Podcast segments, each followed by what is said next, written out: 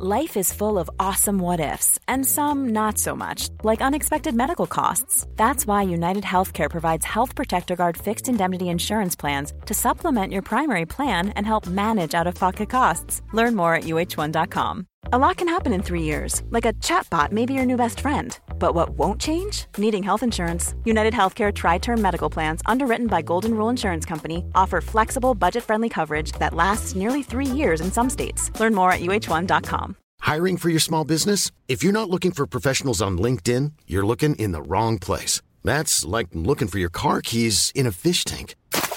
LinkedIn helps you hire professionals you can't find anywhere else, even those who aren't actively searching for a new job but might be open to the perfect role. In a given month, over 70% of LinkedIn users don't even visit other leading job sites. So start looking in the right place. With LinkedIn, you can hire professionals like a professional. Post your free job on linkedin.com slash spoken today.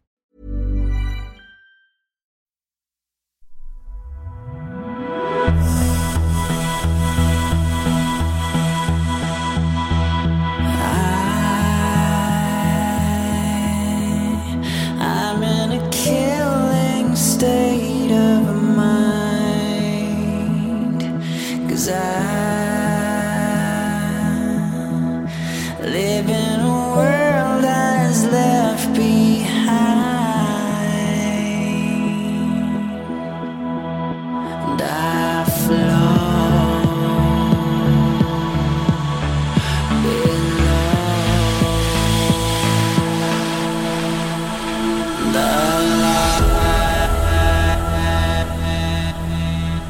Du lyssnar på Mördarpodden. En podcast av Dan Hörning och Josefin Måhlén. Intro och bakgrundsmusik görs av Erik Segerstedt. Välkommen till Mördarpodden. Och idag så har vi Dan Hörning i studion, men också någon mer. Jenny Sterner. Ja, Ja, hej. Hej Jenny! Hej.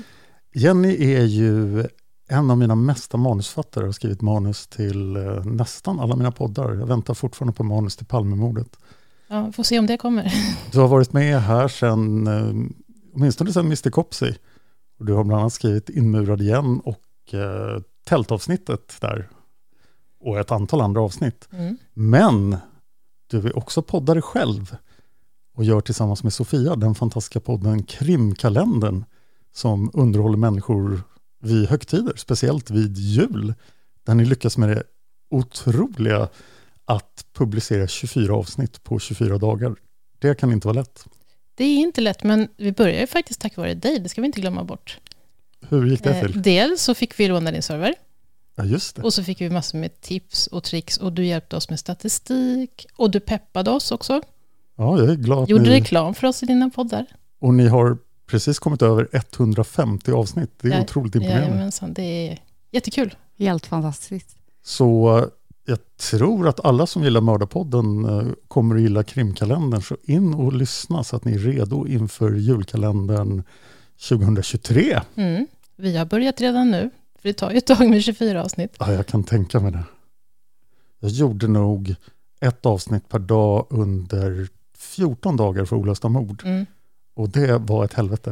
Det Ja. var otroligt mycket och då är, jag, då är det ändå en podd med en röst. Mm. Vilket är mycket lättare än en podd med två röster. Eller tre röster för den delen. Mm. Jag tittar på Josefin som måste klippa det här. Mhm. Nej, men jag kommer ihåg i början när vi släppte ett avsnitt i månaden av Mördarpodden. Och du berättade då om krimkalendern. 24 avsnitt. Och jag bara, jaha.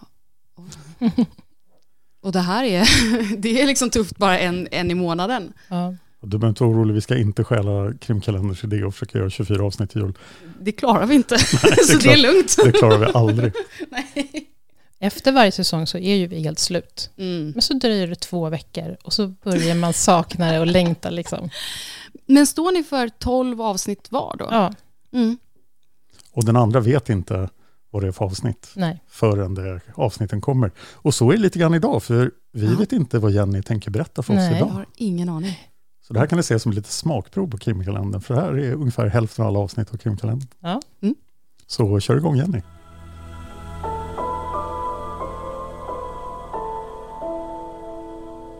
Det är den 25 december 2006 och vi befinner oss i Phoenix, Arizona i sydvästra USA.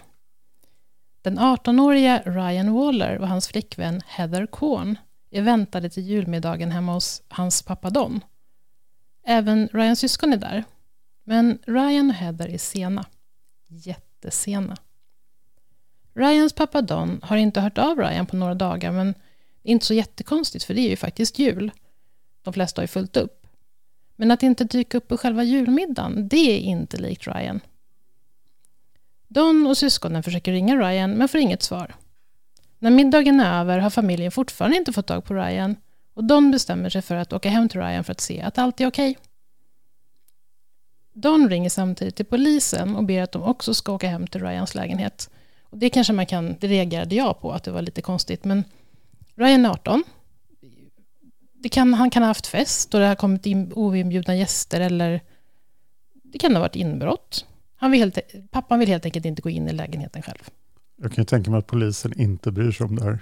Att här, min son kom inte på julmiddagen. Fast vet du vad? De gör det. Va? De gör gör det. Så, ja, inte som en anmälan att någonting hände, utan sån här welfare check. Ja, lite orosanmälan. Ja, Ja. eh, så att de åker dit. Eh, och de ses där utanför. För I bästa fall så handlar det om att Ryan och Heather har blivit typ våldsamt magsjuka eller fått influensa med 40 graders feber och därför inte kan svara i telefon. Men det kan ju som sagt vara någonting annat. Kontentan är, Don vill helst inte åka ensam dit. Från utsidan ser huset helt normalt ut. Polisen knackar på. Inte ett ljud. De knackar en gång till och ropar samtidigt att det är polisen. Då hör de hur låset långsamt vrids om från insidan. Dörren öppnas och där står Ryan. Men han ser förfärlig ut. Blåslagen. Hans ena öga har den svartaste blåtira poliserna någonsin har sett. Ögat är så svullet att det är uppenbart att han inte kan se någonting med det. Och han har även rivsår i ansiktet. Polisen frågar Ryan om det stämmer att han är den Ryan som bor i huset. En rutinfråga. Men Ryan svarar inte. Polisen fortsätter att prata ändå. De informerar Ryan om att de är där för en welfare check eftersom Ryans pappa Don är orolig. Och Don sitter alltså fortfarande kvar i sin bil en bit bort. Ryan svarar inte nu heller. Polisen frågar Ryan var han har fått sin blåtira ifrån. Ryan är fortfarande knäpptyst. Polisen gör sig redo för att gå in och se sig omkring när de över Ryans axel ser en person ligga på soffan i vardagsrummet. Polisen har fått veta av Don att Ryan har en flickvän som heter Heather och att även hon skulle ha varit med på den här julmiddagen. Så de frågar Ryan om det är Heather som ligger och sover på soffan. Ryan svarar nej.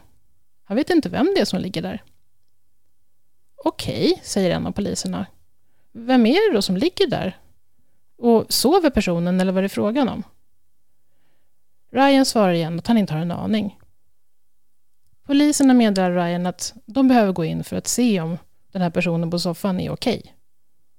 Ryan säger att de inte får gå in, men polisen säger att de har rätt att gå in, vare sig Ryan vill det eller inte.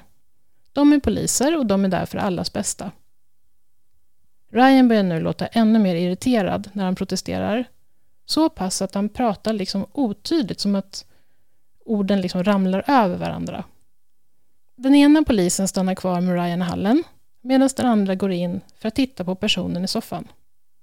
Det är en kvinna, och hon sover inte. Hon är död, skjuten i huvudet. Snart kommer polisen veta att kvinnan, som Ryan sa inte är Heather, faktiskt är det. Det är hans 21-åriga flickvän. Polisen som har stannat kvar med Ryan i hallen fortsätter att ställa frågor, men Ryan ger bara förvirrade svar. I ena sekunden så säger han att han knappt känner Heather.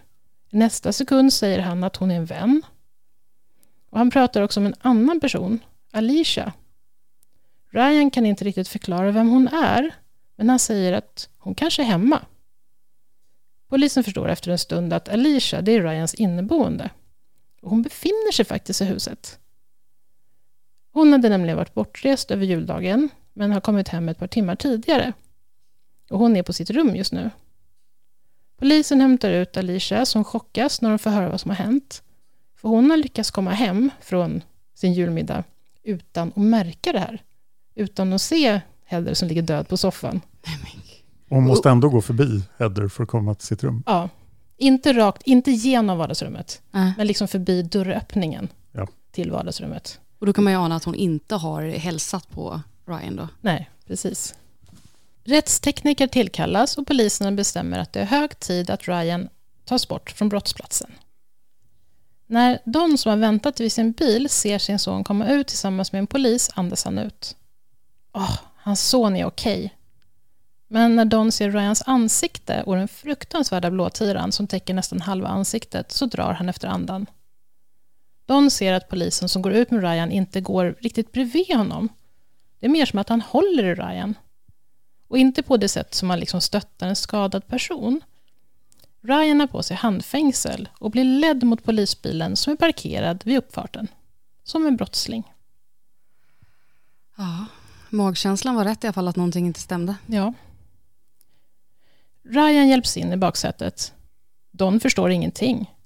Varför har hans son handfängsel på sig? Ryan har ju uppenbarligen blivit misshandlad på något sätt.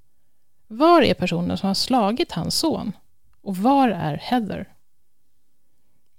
Medan tekniker undersöker huset och Heathers döda kropp sitter Ryan ensam kvar i baksätet på polisbilen.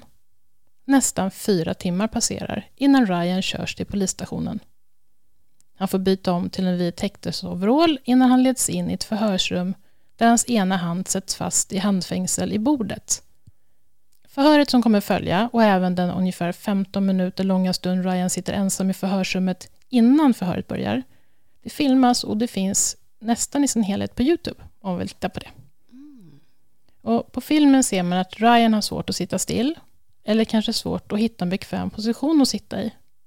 Flera gånger reser han sig upp för att stå upp, men varje gång så verkar han ha glömt att han sitter fast med handfängsel i bordet. Så varje gång så blir det liksom som ett tryck. Han försöker resa sig upp, han kommer inte upp helt och så ner på stolen igen. Det är tydligt att Ryan är upprörd. Då och då stönar eller suckar han till. Kanske för att hans helt igensvullnade öga gör ont. Kanske av oro. Kanske av ånger. Efter en stund kommer en polis in. Ryans utseende och skador ska dokumenteras. Han ombeds vända sig ömsom till höger och vänster medan han om och om igen mumlar att allt han vill är att få åka hem och sova. Den fotograferande polisen svarar att om du ska åka någonstans så är det inte hem utan till sjukhuset. Ryan frågar varför och frågar om det beror på hans igensvullnade öga med blåtiran. Han har ju faktiskt inte sett sig själv så han frågar liksom, ser det illa ut eller? Och polisen säger ja, jo, det ser rätt illa ut. När fotograferingen är slut så har 43 foton tagits och polismannen går ut och utredare Paul Dalton kommer in istället.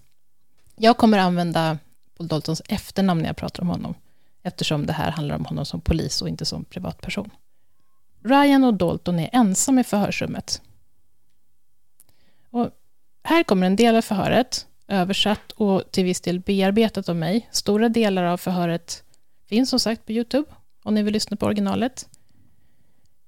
Dalton går rakt på sak och frågar om Ryan vet varför han befinner sig på polisstationen. Ryan svarar nej. Dalton fortsätter med att ställa ett antal kontrollfrågor.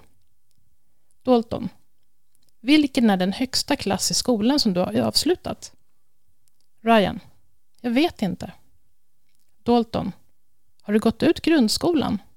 Ryan. Jag vet inte. Jag vill bara åka hem. Dalton. Har du en flickvän? Ryan suckar. Dalton. Vet du vem Heather är? Ryan svarar mm. Vad heter Heather i efternamn? Ryan svarar mm. Dalton frågar igen vad Heather heter i efternamn och Ryan svarar att han inte vet. Men sen säger han att hon heter Kaiman. Och det heter hon inte, hon heter Kon. Och Dalton frågar då Ryan om han kan stava till Kaiman. Och Ryan svarar att nej, det kan jag faktiskt inte. Dalton frågar hur gammal Heather är. Ryan svarar hon är 16 eller 17. Hon är 21. Ryan framstår dels som rätt förvirrad men också som känslolös. Han visar inte en enda känsla av sorg över det som har hänt. De flesta frågor svarar han på att han inte vet. Och han säger hela tiden att han vill åka hem och att han är för trött. Han fortsätter att byta ställning på stolen gång på gång och ligger tidvis liksom böjd över bordet med, alltså över sina egna armar. Liksom. Tiden går. Förhöret fortsätter och går nu in i den fas där Ryan blir utfrågad om själva händelsen som har lett till att de sitter i förhörsrummet. Dalton frågar Vem är det som har slagit dig i ansiktet? Ryan svarar Jag vet inte. Jag tror att det var Heather. Dalton frågar Varför skulle Heather slå dig? Ryan svarar Jag vet inte. Det var en olycka. Jag har glömt varför. Dalton Vad var det för olycka? Ryan svarar Det var en olycka att Heather slog mig. Dalton fortsätter att fråga om Ryans ansikte och att Heather har slagit Ryan. Varför hade Heather slagit honom? Ryan behöver minnas det. Ryan svarar att han tror att det har med Kristina att göra. Heather hjälpte Kristina med att fixa Kristinas hår. Dalton blir nu ännu mer förvirrad och frågar Vem är Kristina? Ryan svarar Hon på soffan. Så det här är alltså första gången som Dalton har hört namnet Kristina i samband med det här fallet. Så han frågar vad hon heter i efternamn och vem hon är. Ryan höjer rösten och låter märkbart upprörd när han svarar att han inte vet. Han vet verkligen inte vem Kristina är. Nu börjar utredare Dalton bli riktigt, riktigt frustrerad. På inspelningen kan man se hur han liksom skakar på huvudet gång på gång. Jätteirriterad. Han fortsätter förhöret Trots att det känns att det är omöjligt att hitta en röd tråd det Ryan säger. Det blir snarare bara värre och värre. Dalton frågar, vad var det som hände igår kväll egentligen? Ryan svarar, jag vet inte. Jag vet verkligen inte. Jag vill bara sova. Dalton försöker återvända till namnet Kristina och frågar varför hon låg på soffan. Ryan svarar att nej, det var inte Kristina som låg på soffan. Det var ju Heather. Så nu är han liksom tillbaka till det som faktiskt har hänt. Dalton frågar vidare. Vem är Heather? Ryan. Hon är Erics flickvän. Dalton. Vem är Eric? Ryan svarar. Nej förresten. Heather är min flickvän. Eller jag vet inte. Jag vill bara sova. Dalton. Okej, okay, vi börjar om från början. Du sa att Heather slog dig i ögat. Ryan. Nej, det var Alicia som gjorde det. Det vill säga den inneboende tjejen.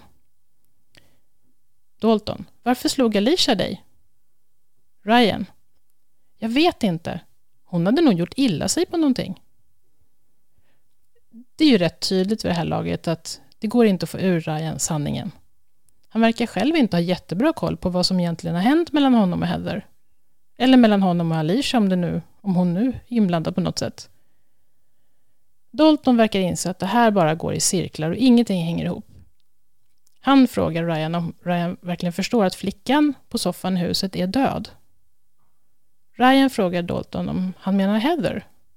Flickan på soffan, är hon död? Är Heather död? Dalton svarar ja, Heather är död. Ryan visar fortfarande inga känslor. Istället ändrar han sin historia igen. En ny historia där varken Heather eller Alicia slagit honom i ansiktet. En berättelse där Ryan säger att det är en man som heter Richie som har brutit sig in i bostaden och som har mördat Heather. Dalton tänker att Ryan nu har lugnat sig tillräckligt för att kunna ha sinnesnärvaro nog att hitta på en annan historia som pekar ut en annan gärningsperson än honom själv. Ja. Så han ber Ryan att berätta mer. Ryan fortsätter historien och hävdar att personen som heter Richie och hans pappa har försökt bryta sig in genom bakdörren Richie hade varit inneboende hos Ryan, säger han, innan Alicia. Ryan säger att Richie och hans pappa hade med sig pilbågar. De hade med sig två pistoler. Dalton. Hade de med sig pilbågar eller pistoler, eller båda? Ryan. De hade med sig pistoler. Jag menar pistoler. Dalton. Och vad hände sen? De sköt mig och Heather. De sköt oss båda. Var blev du skjuten, Ryan? Jag blev skjuten i ögat. Sen följer ett samtal där Dalton menar på att Ryan inte kan ha blivit skjuten i ögat. För då skulle Ryan inte ha suttit där framför honom. För om Ryan hade blivit skjuten i ögat, då skulle Ryan ha varit död nu. Dalton är om möjligt än mer frustrerad och säger till Ryan att det han säger inte hänger ihop. Att han inte verkar veta om det är Alicia eller Heather som legat på soffan. Att han säger att Heather eller Alicia slagit honom i ansiktet så att han har fått blåtyran. Han har pratat om när Christine och Eric. Han har sagt att när Richie kom in med sin pappa så hade de med sig pilbågar, men sen var det pistoler. Allting en himla röra. Förstår inte Ryan att det är mycket enklare att bara berätta sanningen? En fråga. Mm. När de kom in och fotograferade honom, de har inte gjort någon medicinsk undersökning av honom? än. Ingenting. Nej, de har bara fotograferat honom. Ja. Det verkar ju taskigt inte ge honom någon vård. Det, det, här- det är väldigt, väldigt märkligt. Ja. För jag uppfattar det som att han har hjärnskakning eller någonting. Mm. Och hans minne är ju, flackar ju väldigt fram och tillbaka. Ja, Jag tänker även det när han eh, ställde sig upp flera gånger och nästan blev förvånad Mm. över att, eh, eh, att han satt fast, att han inte kommer ihåg det. precis. Gång på gång på gång gör Ja. han det. Ett blodprov hade varit intressant också. Han Ja. skulle ju mycket väl kunna vara påverkad Ja. någonting. Mm. Ja, verkligen. Och jag vet ju faktiskt hur det står till med det här. Eh, Ah. Men, eh, Ja. Men vi måste vänta. Vi måste vänta, vänta. det är jättespännande. Eh, Och jag kan verkligen rekommendera att titta på klippen, för att Ja. då ser man mer tydligt hur, Ja. och också den här Dalton, han känns inte jätteprofessionell. Han blir fruktansvärt upprörd.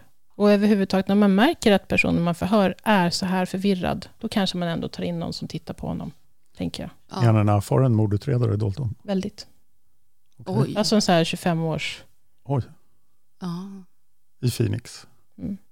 Och där händer en del grejer, så då borde man ju ha ganska bra koll. Ja, men det kan ju vara det också att han är liksom, inte, kanske inte cynisk, men att han är, vad säger man, hårdhudad eller Förhärdad. förhärdad. Ja, han har varit med om så mycket skit att Ja. han inte orkar med mer. Nej, Kan man testa honom lite då, så att han testar Ryan lite grann, hur reagerar han när jag reagerar så här eller? Jag vet inte. Ja, att det skulle vara en taktik. Ja, men det, Ja. kanske, ser, det kanske verkar mer som att han nästan tappade själv lite grann. Då. Ja. Mm. och han har ju redan från början bestämt att det är Ryan som är den skyldiga. Ja. Det, det känner man ju Mm. på något sätt. Klassisk utredarmiss. Ja. Ja. Life is full of awesome what ifs, and some not so much, like unexpected medical costs. That's why United Healthcare provides Health Protector Guard fixed indemnity insurance plans to supplement your primary plan and help manage out of pocket costs. Learn more at uh1.com. Hey, I'm Ryan Reynolds. Recently, I asked Mint Mobile's legal team if big wireless companies are allowed to raise prices due to inflation. They said yes. And then when I asked if raising prices technically violates those onerous two year contracts, they said, What the f are you talking about, you insane Hollywood ass? F- So to recap, we're cutting the price of Mint Unlimited from $30 a month to just $15 a month. Give it a try at mintmobile.com slash switch. $45 upfront for three months plus taxes and fees. Promo rate for new customers for limited time. Unlimited more than 40 gigabytes per month. Slows. Full terms at mintmobile.com. Hiring for your small business? If you're not looking for professionals on LinkedIn, you're looking in the wrong place. That's like looking for your car keys in a fish tank. LinkedIn helps you hire professionals you can't find anywhere else, even those who aren't actively searching for a new job but might be open to the perfect role. In a given month, over 70% of LinkedIn users don't even visit other leading job sites. So start looking in the right place. With LinkedIn, you can hire professionals like a professional. Post your free job on linkedin.com slash spoken today. Men Dalton fortsätter i alla fall att fråga och fråga och fråga och Ryans svar fortsätter att vara osammanhängande. Vid ett tillfälle säger Ryan att det är Heathers pappa som har kommit förbi och skjutit honom och Heather. Det är tydligt på Daltons kroppsspråk hur frustrerad han är. Han slänger upp armarna i en gest och så ser man hur hans läppar rör sig och säger typ åt det. mhm. Dalton frågar varför ringde du inte 911, alltså larmcentralen, när Heather blev skjuten? Ryan svarar att jag var så trött, jag ville bara sova. Dalton. Varför sköt du Heather? Ryan. Det gjorde jag inte. Det var ju hennes bror som gjorde det. Nu, till slut, ser man på filmen hur Dalton börjar oroa sig. Eller han liksom stannar till i sina rörelser och blir tyst ett tag.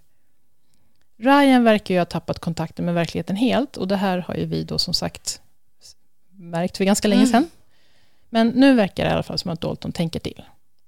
Kan det vara så att smällen som Heather har givit honom i ögat, eller vad det nu som har hänt, kan ha givit honom en hjärnskakning?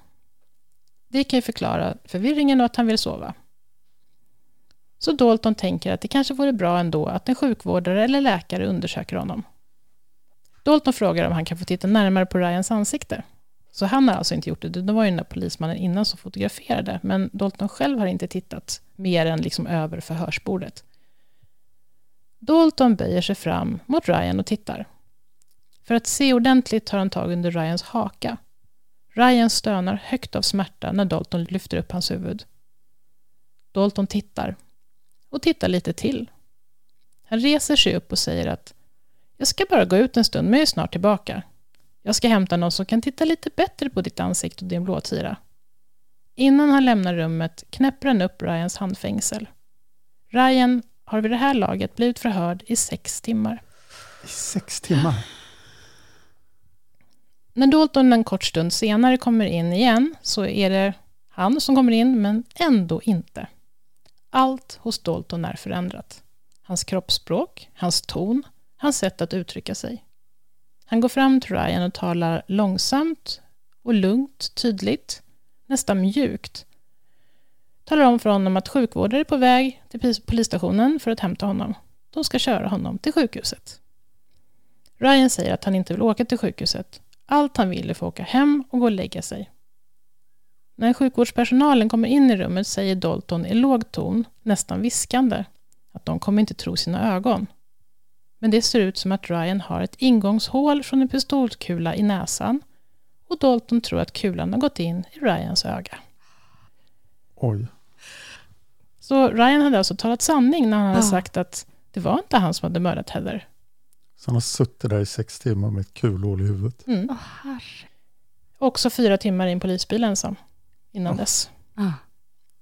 Hans pappa kom aldrig fram till honom när han satt i polisbilen. Han kanske inte fick, jag vet inte. Nej, förmodligen fick han inte. Han hade blivit skjuten med 22 kalibrig kula. Och hur hade det gått sa du? Det hade gått... Eh... Genom näsan, tvärs liksom genom och in i ögat. Och den här polisen som fotograferar honom 44 gånger har inte sett det. Nej, han tyckte att det såg hemskt ut. Han sa att du borde kanske åka till sjukhuset. Mm. Jag vet inte om den här Dalton hade sån auktoritet eller någonting. Det kan ju vara att andra poliser sa att "Hörru, han borde kanske åka. Ja, Men han sa nej, nej, nej. Mm. Det vet jag inte, det förtäljer inte historien riktigt. nej. Men Ryan körs i alla fall till sjukhuset i ilfart och rullas direkt in till operation. Läkarna kan inte rädda hans vänstra öga. De tvingas även ta bort en del av hans hjärna. Dels för att han blivit skadad av kulan, av benfragment som har trängt in i hjärnvävnaden. Dels också för att han har fått en infektion som har hunnit sprida sig. Efter operationen berättar kirurgen för Ryans pappa att infektionen hade liksom blivit värre och värre under tiden. Så att hade han fått vård tidigare så kunde han... De hade kanske kunnat häva den Ja. om de här timmarna under förhöret inte hade gått. Ryan ligger på sjukhus i drygt fem veckor, i 37 dagar. Men han överlever. Under tiden börjar polisen leta efter Ryan och Heathers tidigare inneboende Richie, för han, han finns alltså på riktigt. Eh, han visar sig heta Carver i efternamn och hans pappa heter Larry. Från den stund som Ryan letts ut i handfängsel från sitt hem fram till att utredarna många timmar senare knäppte av honom handklovarna så hade de inte undersökt någon alternativ gärningsperson. Men nu då börjar de göra det. Men då har det gått ett antal timmar. Det här är vad utredningen visar egentligen hände när Heather mördades och Ryan sköts i ansiktet. Den 23 december 2006 hade Ryan och Heather en lugn hemmakväll med pizza och en film när de hörde hur det knackade på dörren. Ryan gick för att öppna och direkt han öppnat dörren på glänt såg han rakt in i mynningen på en pistol. Det var hans tidigare inneboende Richie Carver och hans pappa Larry som stod utanför. Instinktivt kastade sig Ryan mot dörren för att försöka få igen den och stänga inkräktarna ute. Men han hann inte innan Richie fick in handen i dörrspringan, pressade upp dörren och tryckte på avtryckaren till sin pistol. Skottet träffade Ryan i ansiktet. Ryan sköt sen en gång till. Det första skottet gick genom nästippen och vidare upp i Ryans vänstra öga och det andra skottet träffade Ryans tinning men gick liksom inte in utan tog med sig en del av skalpen. Eller vad man ska säga. Ryan föll ner på marken och de två männen klev över honom och rakt fram till soffan där Heather låg, eftersom de hade, de hade legat och kollat på film när det knackade på dörren. De gick rakt fram till henne och sköt henne i huvudet. Männen som trodde att både Ryan och Heather var döda tog med sig de saker som fanns av värde i lägenheten och lämnade huset. Och jag vet inte om ni minns datumet, men det här upptäcktes ju när han inte dök upp på julmiddagen den 25, som det är i USA ju. Ja. Och det här hände den 23. Så att i två dygn så hade alltså Ryan befunnit sig i lägenheten vid liv. Oj. Och det är ju inte polisens fel. Det är ju de här Ja. förhörstimmarna som är Mm. så, men han hade i alla fall lyckats hålla sitt liv väldigt länge. Motivet för mordet har aldrig blivit helt klarlagt och därför har det såklart spekulerats en hel del. Vid ett tillfälle hade Ryan och Richie, när de bodde ihop, tydligen blivit osams. Och så pass mycket att de hade tagit upp varsitt vapen och hotat varandra med. Och sen hade Ryan sagt till Richie att han var tvungen att flytta. Så en tanke då att det skulle vara, motivet skulle vara typ hämnd. En annan teori är att Richie hade stött på Heather under tiden han var inneboende hos Ryan, vilket hade gjort Ryan jättearg och också det då rätt till att han hade kastat ut Richie. Och en tredje teori är att det helt enkelt bara var ett vanligt inbrott. Men den här informationen som de får fram av hur det har gått till den här dagen, Ja, är, är det från Ryan då? ja Ja. det är plus brottsplatsundersökningar. Liksom. ja. Och det är när han har blivit omhändertagen och fått ja, lugnat ner sig lite och Och läkt. ja, läkt. Mm. Och de kan binda kulorna till Richies vapen och så. Ja, precis. Mm. Däremot så erkänner ju varken Richie eller- Larry. För polisen, ska jag säga. Eh, En vecka efter att Ryan har fått åka hem från sjukhuset, alltså ungefär sex veckor efter dådet, så grips Richie Carver och veckan därefter grips hans pappa Larry. Och det är Larrys fru som ringer till polisen och berättar att Larry har erkänt för henne. Ett och ett halvt år efter mordet på Heather och mordförsöket på Ryan i juni 2008 så döms Richie för mord, inbrott, grov misshandel och olovligt hanterande av vapen. Han döms till livstids fängelse utan möjlighet till villkorlig frigivning. Richies pappa Larry däremot, han blir inte dömd för att det enda beviset som finns är att han är erkänt för sin fru. Och när det väl är dags för henne att, och liksom förhöras så säger hon att nej men ingenting har hänt och jag tänker dessutom inte säga någonting för jag behöver inte vittna för att jag är gift med honom. Mm. För så ser lagen ut där, eller såg ut där, i Arizona. Så Larry frikänns. Heathers familj är förstås ursinniga. Säkerligen också Ryans familj.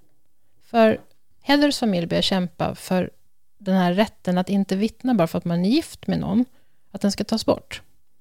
Och efter en lång kamp så kommer faktiskt en lag i Arizona som heter Heathers Law. Alltså att man ska inte kunna säga att man inte kan. Ja.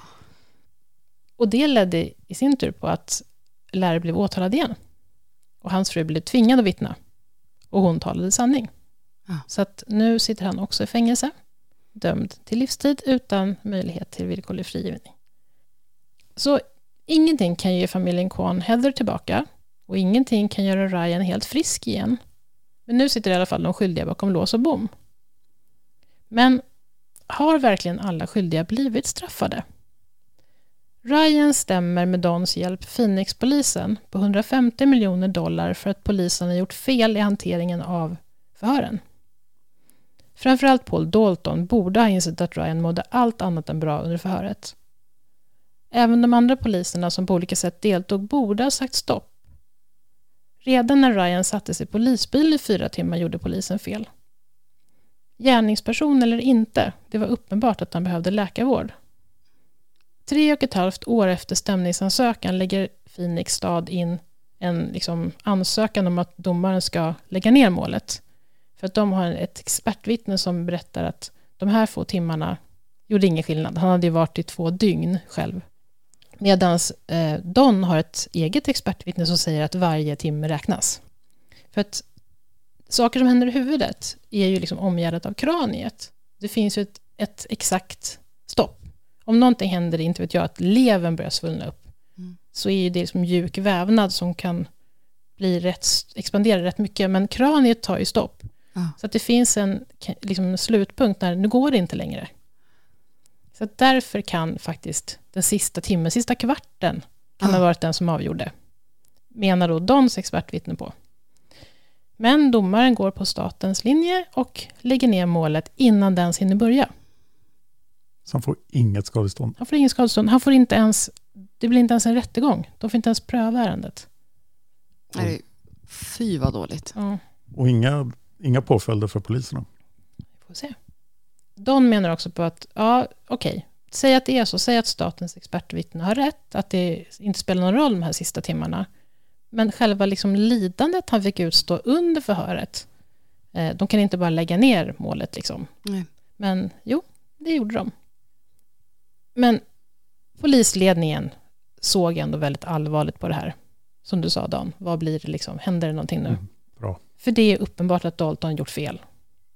Här behöver de verkligen göra en kraftfull markering och visa att Daltons agerande inte var okej.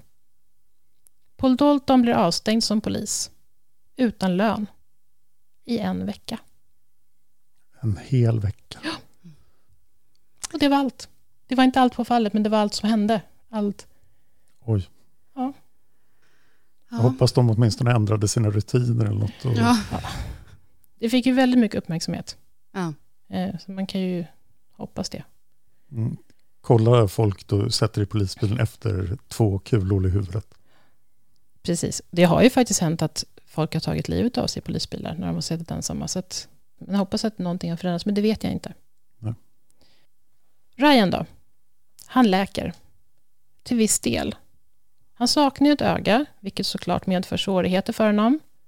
Men än värre är effekten av att han saknar en bit av sin hjärna. Han börjar få regelbundet svåra krampanfall. Ryan får flytta hem till Don, som till stor del blir hans heltidsvårdare. Tio år efter mordet på Heather och mordförsöket på Ryan den 20 januari 2016 dör Ryan Waller av ett krampanfall 28 år gammal. Nej. Fy. Och det var berättelsen om Ryan Waller och Heather Kwon. Vilken spännande historia. Alltså, Tack så är, mycket. Ja, tack. Det här var eh, omskakande. Men nu blir jag så himla arg också för att hade det ändå varit så att han hade fått skadestånd Ja. så hade han kunnat ta de här, nu blir det, vad sa du, var det tio år senare? Eller Ja. ja. Då hade han kunnat ha åtminstone kanske lite bättre sista år. precis. Ja, och kanske kunna betala för vård som hade kunnat rädda honom. Jag vet ingenting om deras, liksom, vad han hade för försäkringar. Men Mm. även om man har bra försäkringar så täcker de ju inte allt. Nej. Men hade han haft 150 miljoner dollar hade han nog kunnat skaffa sig den bästa läkarvården som går att få i USA. Ja. Han kunnat överleva då. Usch, Ja, vad arg man blir. ja. Men vilka, det var verkligen en berg och dalbana. Det var ju som att man, eh, först så tänkte man ju direkt, nej men det är klart att det är Ryan Mm. där liksom. Och sen så börjar man tänka så här, när han säger att det är kulhål i huvudet, Ja. finns det ens möjlighet att det kan vara det? Och nu har vi lyssnat så mycket på våld i nära relationer också så tänkte man ju direkt att Ja, det var en Precis. så bra twist. Jag förstår varför vi inte fick läsa manuset innan. Nej. Nej. Och ännu värre blir det när man, om man verkligen tittar på förhören, för att det är Ja. rätt... Och man tycker olika, för att i och med att Ryan är så skadad och han är förvirrad, så han är ju... Han är inte otrevlig, men han, han säger liksom, jag vill bara sova. Mm. Alltså han låter ju... Han kan ju tolkas som att han är... Lite o, o, ja men precis. Ja. Att man är, han är, men, men vet man någonting om vad Ryan gjorde de här två dygnen? Alltså i de här två dygnen? Nej, och han vet inte själv riktigt heller. Nej. Nej, det, En fascinerande person i historien är Alicia som då kommer hem, ser Hedde Ja. ligga i soffan, märker ingenting. ja. Ryan kanske sov då eller något, Ja, men eh, hon bara går in på sitt rum och så Ja. har allt det här hänt. ja. Hur, hur länge hade hon varit hemma? innan? några timmar. Några timmar bara. Typ tre, fyra timmar kanske. Mm. Sagt hej, hej. Mm. Men i och med att hon då förmodligen hade varit på en julmiddag så var hon kanske jättetrött, bara gick in och sov. Ja. Jag vet inte. Men eh, vilken chock. Ja. Snacka om att ha varit nära ett mordfall utan att vara inblandad. Ja. ja. Men några av de, de första frågorna som han fick under förhöret, det var ju de här kontrollfrågorna. Ja. Vi, vilken, är den, liksom, vilken examen har du? Han fick frågan, vilket är det högsta betyg du någonsin haft? Mm. Och då sa han typ en siffra istället för en bokstav som deras betygssystem är. Han, sa liksom, han svarade så galna saker. Så att Ja. han borde förstått att, att det var någonting som var väldigt, väldigt fel. Även om det handlade om att han var hög på någonting. Mm. Då ska han ju inte förhöras just då ändå. Nej, Så att det, var, det var ju så tokfel redan från början. otroligt dåligt av dem att inte ens ta upp det här och, och kika på vad som har gått fel. Mm. Eh, och att stänga av han i en vecka. Ja, Men den andra kulan som träffade honom i tinningen, ja, den måste ju ha hamnat någonstans i hemmet. ja, Och den hittar de inte då i början. jag vet inte. Alltså det låter ju som att brottsplatsundersökningen också var kass. Mm. Det var som att det var givet redan från början att men nu vet vi vad som har hänt. Han har skjutit sin flickvän. Punkt. Mm. Och det misstaget får man inte göra i en utredning. Nej. Nej. Ja. Men det är också märkligt hans pappa, att han, hans pappa direkt tänkte att någonting var fel. Mm. Men det är klart, man, man har ju ändå lite undermedvetna mönster man kikar på. Så här, att om jag vet att om någon inte hör av sig på en viss tid och man bara vet att någonting är fel för att den alltid har hört av sig Ja. vid en viss, eh, med en viss mellanrum innan. Så kan det bara få en väldigt stark känsla av att någonting faktiskt är riktigt, riktigt fel. Mm. Men sen också om någon inte kommer på motsvarande julafton då för oss och har sagt att de ska komma och det är en Ja. person som man känner väl och har pratat mycket med, då skulle man ju reagera. Mm. Ja. Men då gör han ju helt rätt, alltså att ändå eh, prata med polisen och, och få dem att gå in istället. Ja. Alltså, det är tvärtom från de i skräckfilmer som man bara känner så här, nej, nej, nej, gå, gå inte in där nu. Mm. Du vet vad som kommer hända. Men Ja. han här lyssnade på magkänslan och gjorde rätt. Så det är väl den enda i den här historien som har gjort rätt, ja. pappan. Och sen vet man ju inte heller. Det finns väldigt lite om Ryans bakgrund. Det Mm. står att han var en vanlig ungdom i princip. Mm. Eh, men det kan ju vara att det har varit mycket festande, det har varit droger. Mm. Eh, att, att Don tänkte att det skulle kunna vara en fest som har urartat eller någonting. Mm. Jag vill inte gå in och så ligger det en massa höga ungdomar på golvet. Mm. Ja. Det vet vi inte. Och en anledning till att det inte finns så mycket kan ju vara för att Ryan är död. Mm. Att de inte... Man vill ju inte liksom gö- säga någonting dåligt då. Nej, nej, just det, precis. Ja. För om man tittar på Mm. artiklar om fallet så efter händelsen 2006 när det upptäcktes, då, då finns det ett gäng artiklar. Men de allra flesta artiklarna kom sen när han dog, tio år senare. Mm. Det var då det blev liksom att, då blev det ju ännu större att han Ja. dog av det här. Och då skriver de ju kanske inte någonting Mm. liksom, negativt. Nu är det inte negativt att vara ungdom och festa, menar Nej. jag inte, men eh, det finns väldigt lite om hans bakgrund. Mm. Hur stort var hemmet? Vet inte. Och jag vet heller inte riktigt, ibland står det hus och ibland står det lägenhet. Eh, och jag har inte hittat någon bild på det heller. Nej.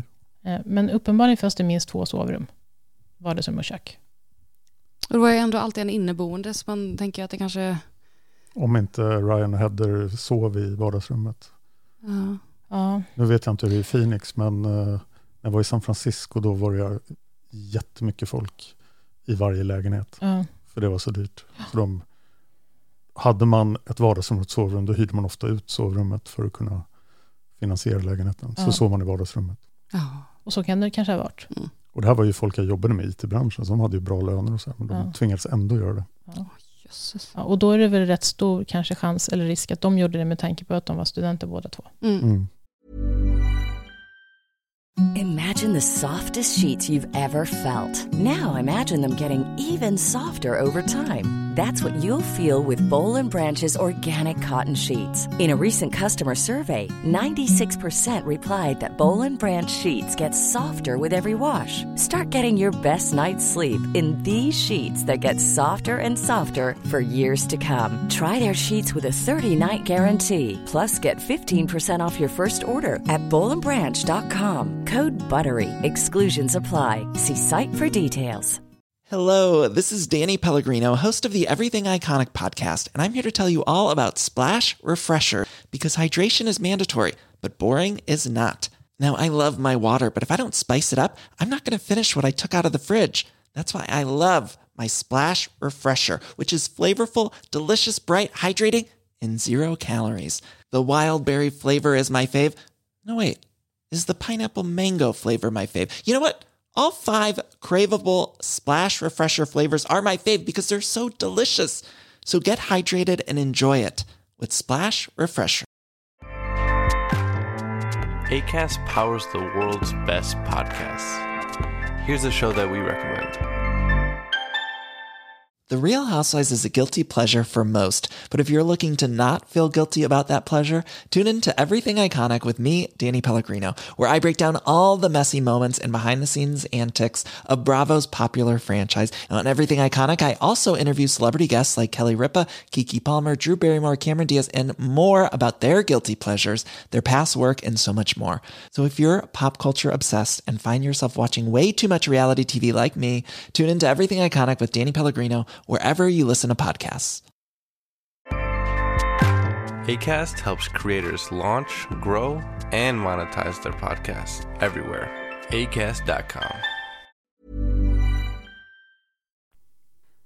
Ja, vilket fall alltså. Ja, tack så mycket. Ja, tack så Eh, jättemycket. Tack själva för att jag fick komma hit och vara gäst. Du är alltid välkommen. Vi har ju faktiskt lyckats gästa krimkalendern. Precis, ni har Ja. båda varit gäster. Mm. Du var med i, Jag var med i första nyårsavsnittet. och jag var med påsk. Jag rekommenderar varmt det, ert första nyårsavsnitt, för det var ett fantastiskt bra fall. Ja. Och så hade jag precis innan hört fallet. Och det var inte alls meningen. Så att, men jag tror att jag jobbar stenhårt på att verka förvånad i det avsnittet. För det, det är ett verkligen förvånande fall. ja, Och jag så här försökte fejka förvånad. det gjorde du väldigt bra. Ja, så lyssna på avsnittet, då hör ni. Men du hade också bra bakgrundsinformation om jag inte minns fel om, om platsen. Var det inte så? Att du visste rätt mycket om... Ja, så kan det ha varit. Det var säkert Ja. från den andra podden jag hade Ja. hört om det. Men nej, för det var ju avsnitt vi inte hade tänkt att göra. Vi tänkte ju att när vi gjorde vår första julkalender så tänkte vi, ja men vi satsar på 300 lyssnare. När vi räknar liksom ihop vår släkt och våra vänner. 300 lyssnare. Sen smällde det. Och sen vart det ju rätt många redan från början. Ja. Och då blev vi så glada så vi sa, men då ska vi göra nyårsavsnitt också. Mm. Då bjöd vi in Dan som tack och lov kunde. 300 lyssnare är ett jättebra mål. Det känns som, det är så här, då, då är man igång. Mm. Det var så vi tänkte. Och då är det kul att podda från, då får man så här feedback från lyssnarna och sånt. Ja, Men ni har ju lite fler lyssnare än 300 nu. nu har vi det. Ja, och det gick Så. fort. Men det är helt förståeligt. Så lyssna på krimkalendern, finns Ja. där poddar finns. Var kan man hitta dig någonstans? Krimkalendern finns på Instagram. Krimkalender finns och där är vi faktiskt rätt Vi aktiva. är jätteduktiga på Instagram. Det är, men vi har också valt att bara ha Instagram och inte ha någonting annat, inte Facebook Ja. eller någonting. Det är typ så som vi har valt också, fast Mm. det finns några som eh, håller kvar vid vår Facebook. Det verkar som att lyssnarna vill gå till vår Facebook. Där kommer det så här kommentarer in och sånt, men det är bara Eva och Tobbe som sköter Ja, Facebooken. ja, varken jag eller Josefin är Nej. på Facebook längre. Vi, Men eh, det sköter Eva och Tobias bra. ja, så de är grymma. Tack Jenny och tack Paul, Paul Del Valle som vi sitter i hans studio och spelar in. Paul har ju en ny podd ju, Vad handlar den om? AI. Han gör den med Mm. ChatGPT4 och eh, de, ja, vad ska man säga, pratar om allt mellan himmel och jord. Så ChatGPT4 är alltså en av programledarna i podden. Ja, och den eh, leder det här programmet med eh, Paul då också. Har den en röst eller läser Paul vad? Paul läser vad den säger. Att man får även följa med lite när han försöker kringgå. Alltså att den kan ibland inte ge svar på alla frågor han har. Men ställer han, alltså korsförhör han den här på rätt sätt, då får han till slut svaren som den inte kan ge. Mhm. Vilket är jättekul. Det är alla ämnen från kärlek till livets stora frågor till humor och till ja, true crime var jag med i ett avsnitt och se om den kunde göra verklighetstrogna fall och det kunde den absolut. Det var så här, det var enormt verklighetstroget. Hittar den på ett fall? Att den hittar på ett fall. Och, och sen mitt i så säger den så här bara, för, för då korsförhör på lite, men du sa ju att det skulle vara så här, jag ber om ursäkt, men jag hade fel. Det var så här det var istället. så den är Men- rätt rolig. Vad spännande. Det Ja. har jag inte hört. Vad sa du att den hette? Konversationer med AI. Det måste jag kolla upp. Ja, finns där poddar Ja. finns. Så tack Paul som har Öppet sinne med MMA-podden och konversationer med AI. Vi ses i nästa avsnitt. Vi ses i nästa avsnitt.